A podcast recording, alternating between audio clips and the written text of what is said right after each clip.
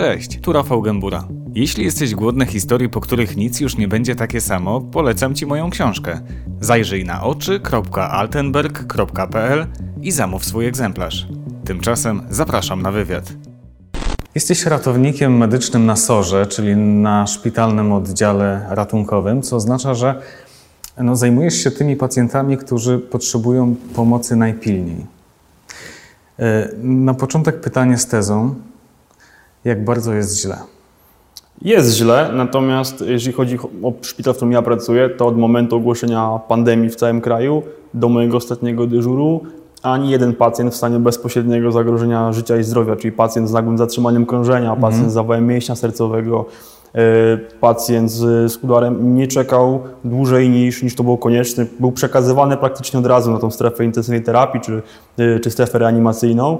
Natomiast e, jest źle, jeżeli chodzi o pacjentów, którzy się do nas zgłaszają z mniejszymi, aczkolwiek poważnymi urazami, czy czy wymagające zaopatrzenia e, natychmiast i ci pacjenci, którzy wcześniej czekaliby 2, 3, 4 godziny, teraz czekają tych godzin 6, 8, 12. Niektórzy nie doczekują się tej pomocy, bo po prostu rezygnują. Odpuszczają, tak? Odpuszczają, mhm. dokładnie i, i szukają tej pomocy na własną rękę albo gdzieś indziej, albo mają, mając nadzieję, że, że, to się, że to, co im dolega, cofnie się lub, lub wytrzymają, po prostu wracają do domu. Mhm. Z czego to wynika, że ten czas się wydłużył? Bo ty przyjmujesz, u ciebie przyjmuje się nie tylko e, pacjentów covidowych, no wszystkich pacjentów.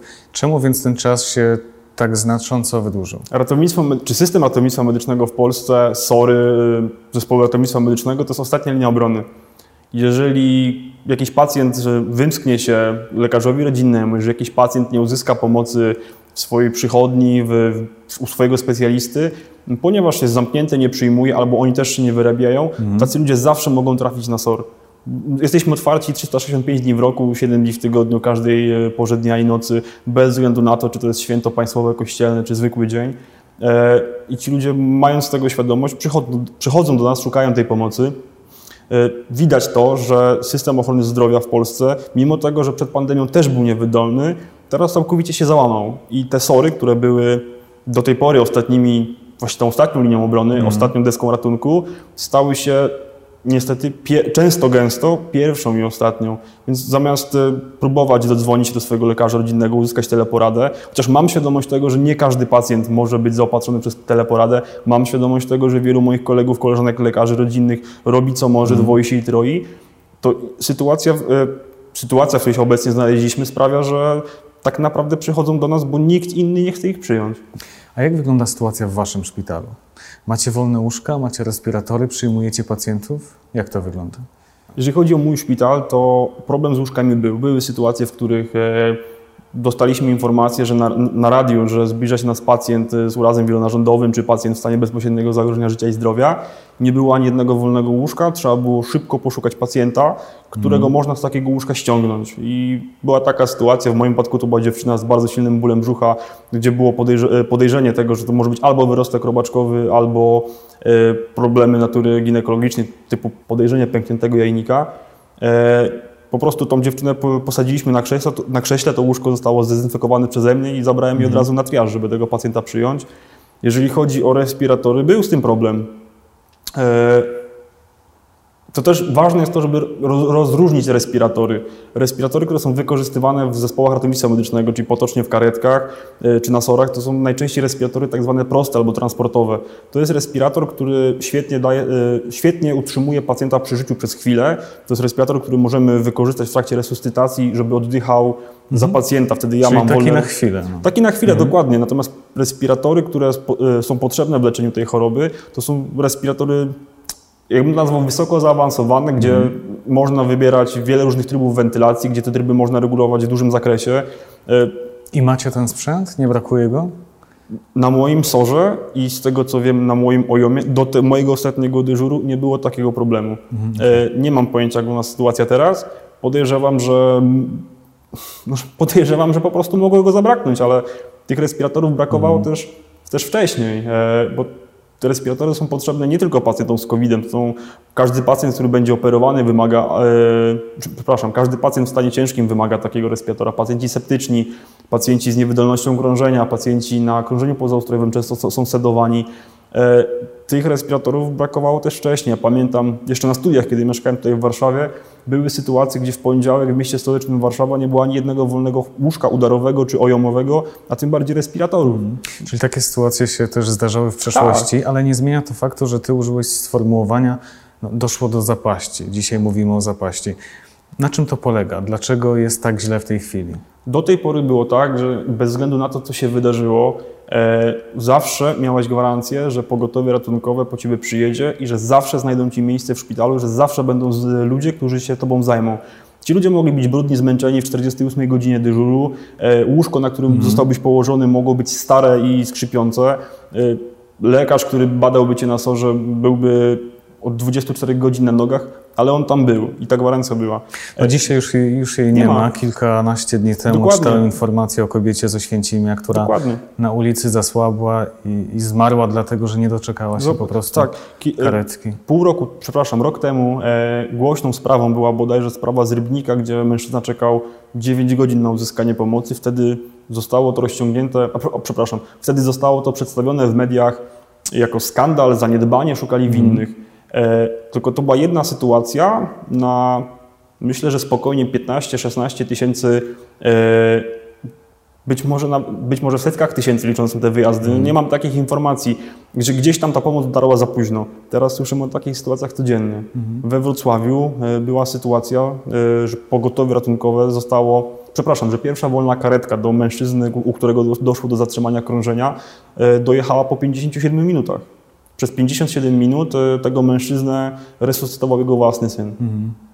Jakie są na dzisiaj najsłabsze ogniwa naszego Ludzie. systemu? Ludzie, ludzie niestety, ale z, d, piramida demograficzna w ochronie zdrowia e, jest, Ludzie w tym sensie, że jest ich za mało, tak? tak, tak. Po pierwsze, po drugie, y, wiek też tych ludzi. Ja mam 26 lat, ja jestem w stanie, oczywiście to też nie jest tak, że lubię pracować po 24 godziny na dobę, już tak nie pracuję, ale jeżeli były takie sytuacje, zaciskałem zęby i bez większego uszczerbku dla swojego życia i zdrowia y, spędzałem 48 godzin w pracy ciągiem. E, kobieta, która jest pielęgniarką, e, pracuje od lat 30-40, jakby nie jest w stanie być tak wydajna, tak fizyczna, jak, jak człowiek, który ma lat 26, 30, 35. No jest to Wiadomo. logiczne. Średnia wieku pielęgniarki położnej, jeżeli się nie mylę, w tym momencie wynosi 55 albo 56 lat. Podobnie jest z lekarzami. E, Jeżeli dobrze pamiętam, e, w którejś z, ze specjalizacji chirurgicznych, przepraszam, w którejś ze specjalności chirurgicznych, bodajże w chirurgii dziecięcej, średnia wieku wynosiła 57 lat. To są ludzie, którzy zaraz przyjdą na emeryturę. Czemu to jest kłopot w obecnej sytuacji? Ponieważ, e, to, ponieważ to są ludzie w grupie wysokiego ryzyka. To są ludzie, których powinniśmy, gdybyśmy mogli, wycofać na głębokie tyły. To są ludzie, którzy powinni pracować, e, w- jakby to powiedzieć, z tym najbardziej bezpiecznym dla nich pacjentem, ale oni są rzuceni w tym momencie na pierwszą linię frontu. Przecież nie raz, nie dwa słyszy się w mediach o tym, że jakiś lekarz 70, 80, 90-latek, emeryt wciąż pracuje, no bo, no bo nie ma komu tej, tej, tej przychodni zostawić tych pacjentów. E, Drugą, drugim problemem, jeżeli chodzi o ludzi, jest ich brak. E, Szacuje się, że brakuje jedną trzecią lekarzy. Zresztą my w ogóle w Polsce mamy najmniejszą ilość e, lekarzy na, na tysiąc mieszkańców. Mm, Lepiej jest nawet w Rumunii, na Węgrzech, czy już nie mówiąc o takich krajach jak Niemcy, gdzie one przeznaczają prawie po 12 razy więcej na, na ochronę zdrowia niż my. E, Jeżeli chodzi o ratowników medycznych, to jest trochę mniej, jakby to powiedzieć, mm, Ratownik medyczny to jest młody zawód. My tak naprawdę funkcjonujemy od 2006 roku. E, Żeby było śmiesznie, wtedy miałem 12 lat, kiedy ta ustawa została podpisana i przyjęta. E, Więc jakby ta średnia wieku wśród ratowników medycznych jest dużo, dużo niższa. Ale to też nie oznacza, że my jesteśmy wszyscy ze stali. E, I oczywiście, że tak, brakuje tych ludzi, brakuje specjalistów, brakuje tych, którzy są w stanie, że tak powiem, z ulicy podejść do tego przysłowiowego respiratora, czy z ulicy podjąć się tej resuscytacji. I wyszkolenie takiej kadry trwa. Moje studia trwały 3 lata. Janek, jak ty widzisz przyszłość naszą? E, Co będzie za kilka, kilkanaście tygodni, zakładając, że no, e, liczba zakażeń będzie się utrzymywała na tym wysokim poziomie, a być może będzie jeszcze wyższy e, ten wskaźnik? Co nas czeka z twojej perspektywy? No, jesteś wewnątrz tego Z systemu. mojej perspektywy, albo inaczej, moim zdaniem nie czeka nas nic dobrego. System, który był niewydolny już wcześniej, nie ma szans, żeby poradzić sobie w, jakkolwiek z sytuacją kryzysową. No bo to jest kryzys, no, nie można unikać tych słów. Mm, wyda- moim zdaniem nie mamy tak naprawdę nawet szans, żeby sobie poradzić. E, obrywamy właśnie my, wszyscy, my, my pracownicy, my pacjenci, e, no bo ja też przecież mogę być pacjentem, tak samo moja rodzina, obrywamy za ostatnie 30 lat zaniedbań. To, co teraz się dzieje, to są wszystkie, mm, jakby cena, czy płacimy w tym momencie cenę wszystkich tych, jakby to powiedzieć. No, za- zaniedbań sprzed wielu, wielu Dokładnie. lat. Ale y, no bo to, że jest źle i że będzie źle, wiemy chyba wszyscy, tak? Powiedz mi, co to może oznaczać dla nas? Wprost Tak. Nie mam pojęcia. Naprawdę nie wiem, bo ja jestem, staram się być realistą. E, mimo tego, że optymistycznie podchodzę do życia, nie mam pojęcia i nie mam dobrych informacji. Nawet nie potrafię sobie sam w głowie wymyślić e, strategii, która miałaby jakkolwiek cokolwiek zmienić. Po prostu nie da się, nie sklonujemy pielęgniarek. Nie, nawet gdybyśmy teraz e, budowali dmuchane szpitale, to co z tego, skoro tym pacjentem trzeba się zająć? Jakby cały ten proces leczenia wymaga ogromnej pracy wielu ludzi.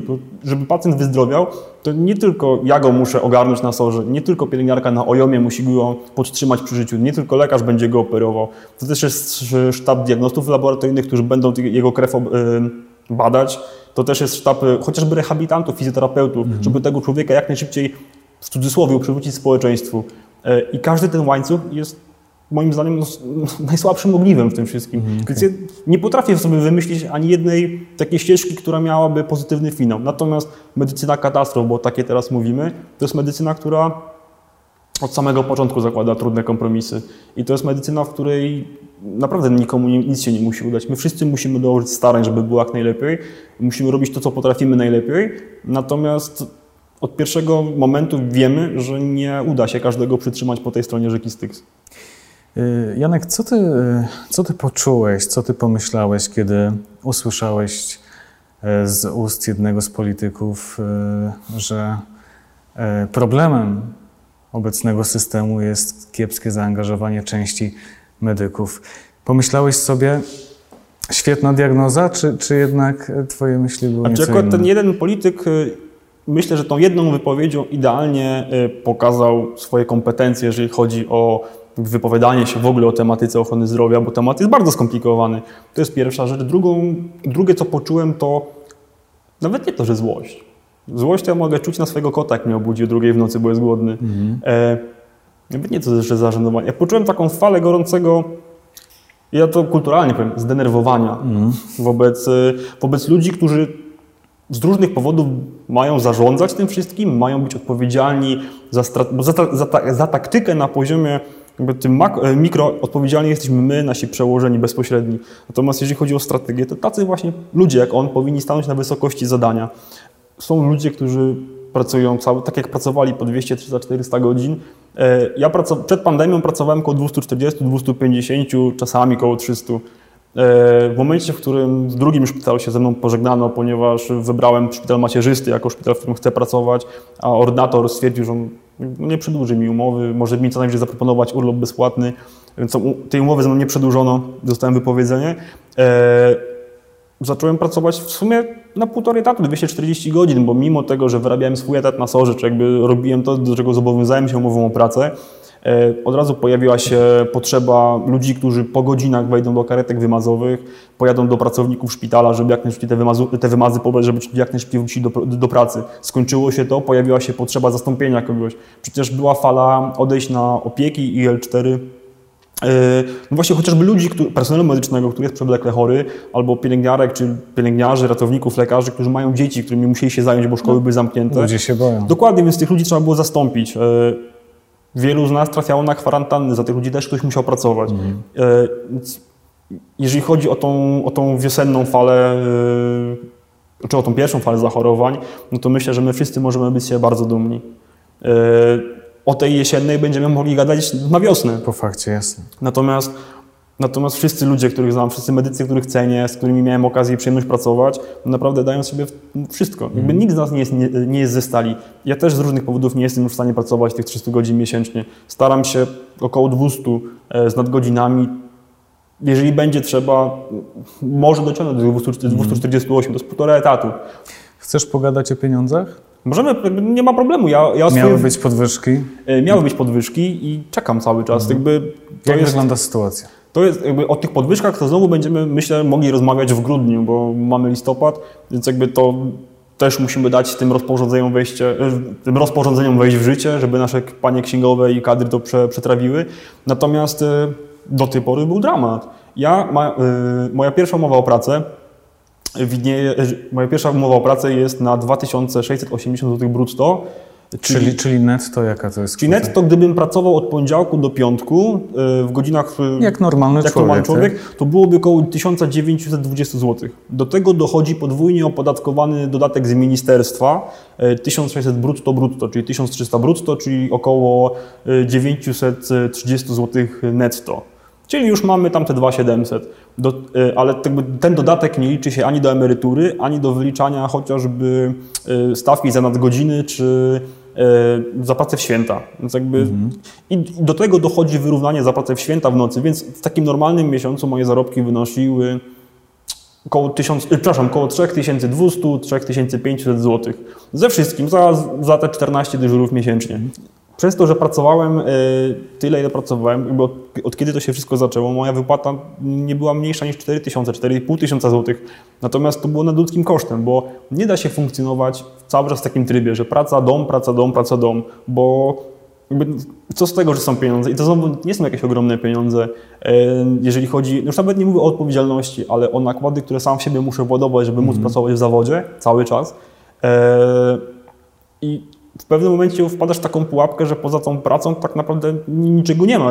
Zresztą ja też w październiku ograniczyłem świadomie te dyżury, bo przed, samą, przed samym szczytem tych zachorowań po prostu miałem dosyć. Spodobało mi się spanie we własnym łóżku.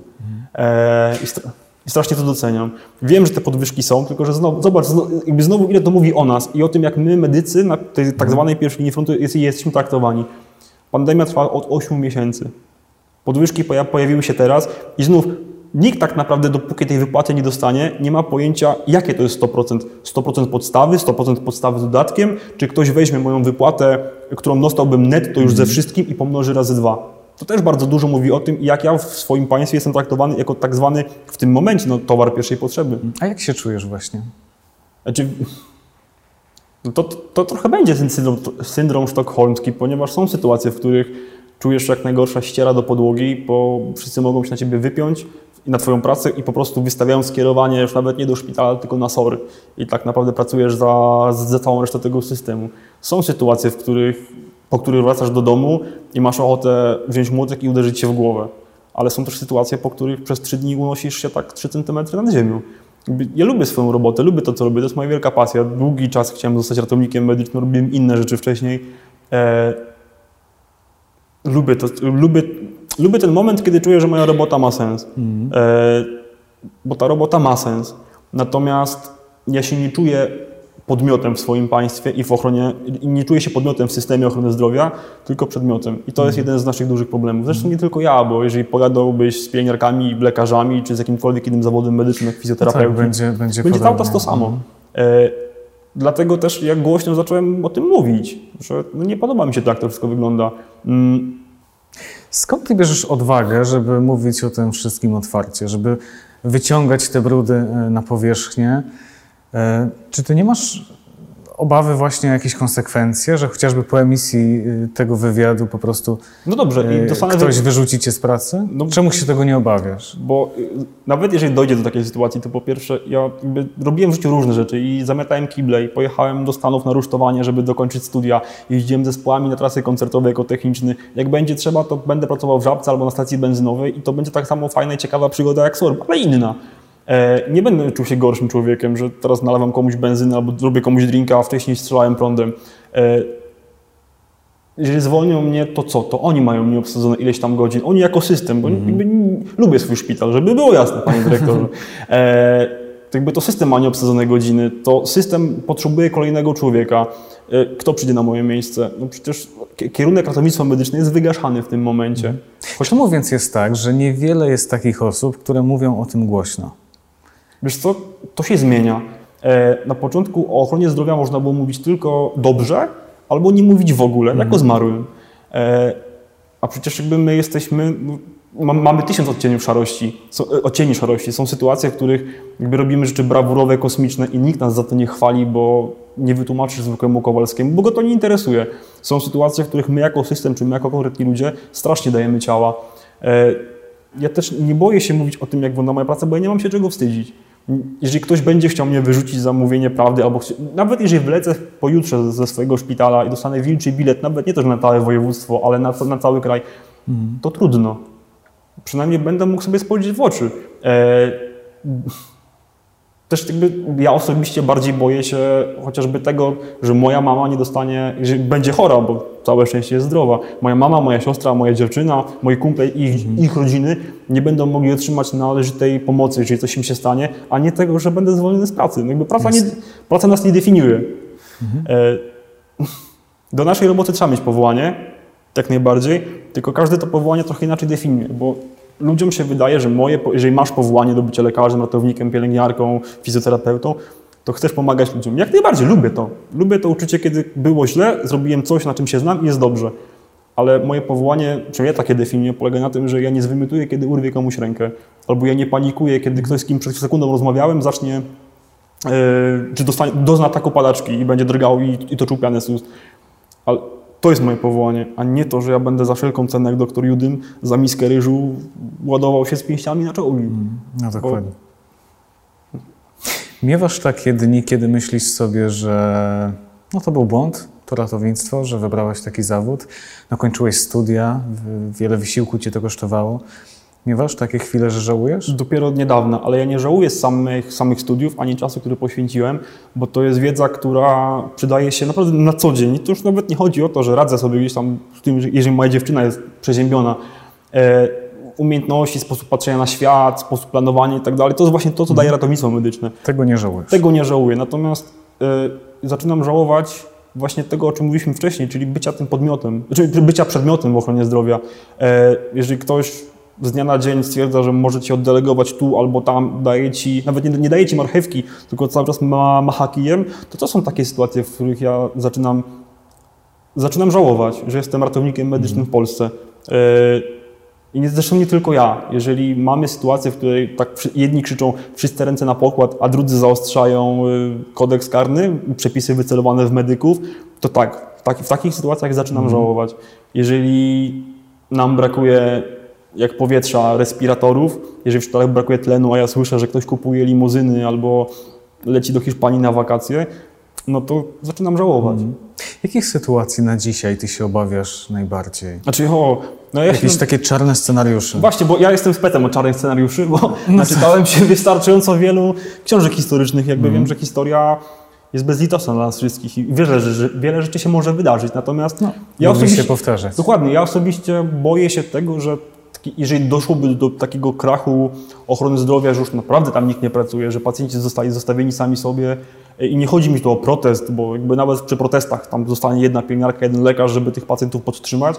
E, Chodzi mi o taki totalny krach tego systemu ochrony zdrowia, to, że nie jesteś w stanie uzyskać pomocy z rzeczami, które wcześniej były, nie były żadnym problemem, typu właśnie bolący ząb albo nie wiem, zapalenie wrostka robaczkowego, e, że takie sytuacje doprowadzą do, do poważnych niepokojów społecznych. Jakby wszyscy, wszyscy tak naprawdę jesteśmy potencjalnymi pacjentami. I nawet, nawet ci, którzy, i to mogę też powiedzieć, że wszyscy ci, którzy płacą e, na prywatną ochronę zdrowia, summa summarum i tak wylądują u nas, bo prywatna ochrona zdrowia jest tylko do jakiegoś etapu. Więc takich rzeczy, bo, takich rzeczy się boję. Boję się też tego, że, ym, że stracimy chyba największą w historii y, polskiej po 1989 roku szansę na zmuszenie do prawdziwej debaty o ochronie zdrowia, o tym, czego my potrzebujemy, i jacy my jesteśmy, jacy my chcemy być i jak to wszystko ma wyglądać. Ym, tego się boję. Boję się też tego, że, że coś się stanie moim bliskim. Po prostu. Po prostu się boję. Myślę, że wielu Polaków odczuwa dziś y, tę obawę. Em, można Wam jakoś pomóc sensownie dzisiaj? Tak, tak, zdecydowanie. I my nie potrzebujemy, mimo tego, że to jest bardzo miłe i fajnie się je. Nie mam na myśli oklasków na balkonie. Tak, no właśnie, nie klaszczcie, błagam was, nie klaszczcie, nie śpiewajcie na balkonach, bo jeżeli coś takiego robicie, to tam być może jest medyk, który właśnie zszedł z nocki i chciałby się wyspać. Więc wyobraźcie sobie, co wy czulibyście, gdyby ktoś was obudził po 48 godzinach bez snu. Takie działania nie mają sensu. Dokładnie. Co więc ma? Co miałoby sens? Słuchajcie, przede, przede wszystkim dbanie o siebie. Jeżeli ktoś ma, I to będzie powtarzał każdy medyk.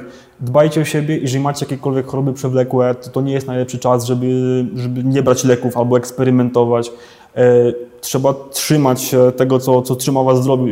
Jeżeli macie cukrzycę, to dieta. Jeżeli jest możliwość, to mieć w domu ten zapas leków, który się stale przyjmuje na trochę dłuższy czas. Już nie mówię o tym, żeby wykupywać się na najbliższe 30 lat, albo żeby teraz każdy rzucił się do apteki, ale żeby ten zapas był chociaż na te 2-3 miesiące. E, To też jest dobry moment, żeby powstrzymać się od jakiejkolwiek niepotrzebnej aktywności fizycznej, bo te wypadki i tak się będą zdarzały. Jak nie w trakcie sportu, to chociażby w pracy, przecież ja się mogę za 15 minut poślizgnąć. Ale Natomiast- lepiej minimalizować Dokładnie, ryzyko. dokładnie. E, To też nie jest najlepszy czas, żeby próbować nowych narkotyków. To, mam nadzieję, że jeżeli ktoś ma ochotę, to spróbuje, ale po, po czasie tej pandemii, kiedy znowu będziemy w, bardziej wydolni. Jasne. E, A wam, a wam jakoś można pomóc? Bo mówisz o tym, jak właściwie sami możemy sobie pomóc w tej sytuacji Ale właśnie obecnej. w ten sposób nam pomagacie, bo jeżeli zrobicie wszystko to, żeby, żebyśmy się nie spotkali w pracy, to już nam jakby odejmujecie kolejnych zadań. Więc to, I to jest bardzo dużo. E, naprawdę. Mm, no jeszcze jedna rzecz. Jakby przestrzegajmy tego, tego reżimu sanitarnego. Ja mam świadomość, że, jest, że niewygodnym jest chodzenie w masce 12 godzin, sam w niej chodzę, że są ludzie, którzy, którym sprawia trudność chodzenie w tej przyłbicy. Jakby okej, natomiast to od nas tak naprawdę wszystkich zależy, jak szybko to się skończy.